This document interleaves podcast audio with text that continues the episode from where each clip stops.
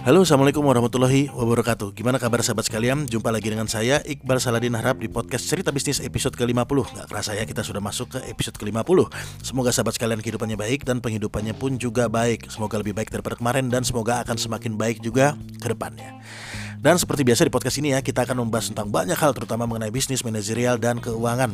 Jadi misalnya teman-teman sekalian ada yang ingin didiskusikan, monggo langsung kontak ke WA saya. Nomor WA saya ada saya cantumin kok di deskripsi di podcast ini. Oke, sekarang kita masuk ke sesi cerbis kali ini.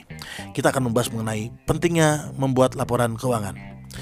Jadi gini ya, eh, banyak orang yang mencepelekan tentang laporan keuangan, baik itu secara personal maupun di dalam menjalankan sebuah organisasi, misalnya kayak organisasi bisnis terutama ya memang sih mencatat uh, uang masuk dan keluar itu kadang membosankan teman-teman sekalian. Seperti beli makanan keluar, nyatet, beli pulsa, nyatet, bayar parkir, nyatet, belanja online, nyatet, pacaran, nyatet.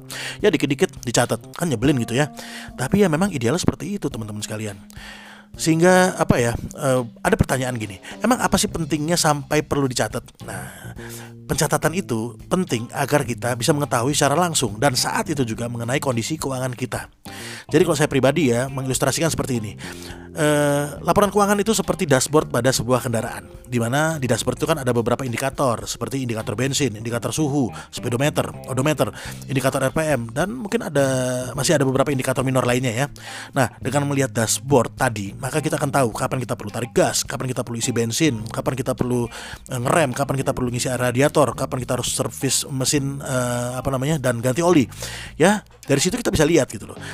Demikian juga dengan menjalankan sebuah bisnis. Jadi kita memiliki indikator yang jelas kapan kita perlu gencarin promosi, kapan kita harus e, meningkatkan produksi, kapan kita harus nambah karyawan, kapan kita harus e, ngerem keuangan dan banyak yang bisa kita lakukan dengan kita membaca indikator-indikator yang ada di dalam bisnis kita dari laporan keuangan.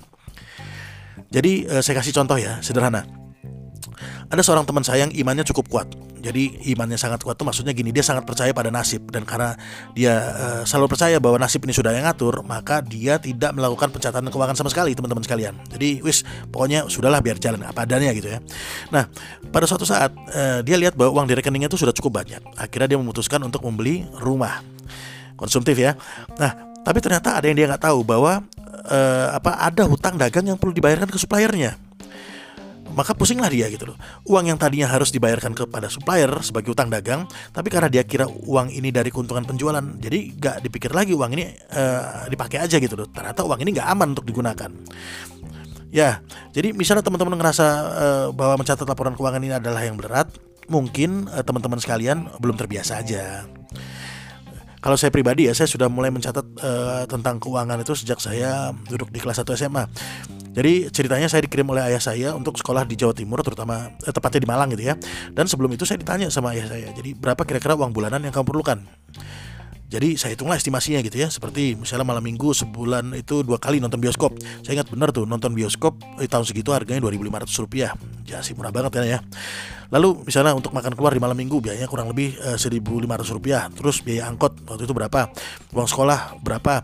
Dan sebagainya lah jadi uh, saya ingat benar dulu ya uang jajan saya di luar uang kos itu dulu di tahun pertama itu sebesar empat puluh ribu rupiah sebulan. Dan di transfernya juga dua puluh ribu eh, dua puluh ribu jadi setiap dua minggu dua puluh ribu dua minggu lagi dua puluh ribu lagi dan biar saya nggak boros maka uangnya itu uh, saya siasati gitu supaya cukup itu sampai akhir bulan. Jadi uangnya saya kotak-kotakin. Jadi uh, ini mana slot buat main, mana slot buat uh, sekolah, mana buat uh, makan, mana buat transportasi dan ya banyak lain-lainnya ya.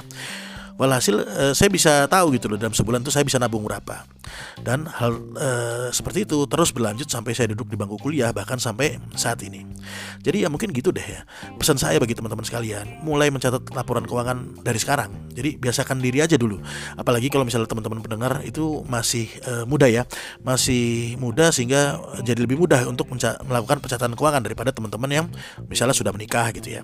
Kan sudah udah udah selangkah lebih maju. Namun bukan berarti bagi teman-teman yang sudah menikah atau teman-teman yang sudah dewasa itu terlambat untuk mulai loh ya. Enggak juga. Pokoknya ya sebisa mungkin mulai dari sekarang lah. Mungkin uh, di beberapa podcast selanjutnya saya akan membahas tentang bagaimana tips untuk uh, berhemat atau lebih tepatnya tips untuk menahan diri untuk membeli ini tuh gitu loh. Jadi ya segitulah supaya nggak boros. Dan misalnya ya teman-teman sekalian uh, masih ada yang bingung dan mungkin ingin bertanya atau ingin berdiskusi atau mungkin juga ada yang ingin memberikan uh, tambahan, masukan atau saran bisa WA saya langsung atau bisa WA ke uh, uh, WA-nya bantu bisnismu. Ya atau teman-teman sekalian uh, mau main ke kantor kami juga boleh traktir kami makan juga boleh. Kita mah fine aja ya. Jadi ya mungkin seperti itulah kira-kira cerita singkat saya dalam cerita bisnis kali ini. Semoga bermanfaat buat teman-teman pendengar terutama buat saya pribadi sebagai pengingat diri. Dan uh, saya mundur diri dulu. Sampai jumpa di episode cerbis berikutnya. Assalamualaikum warahmatullahi wabarakatuh you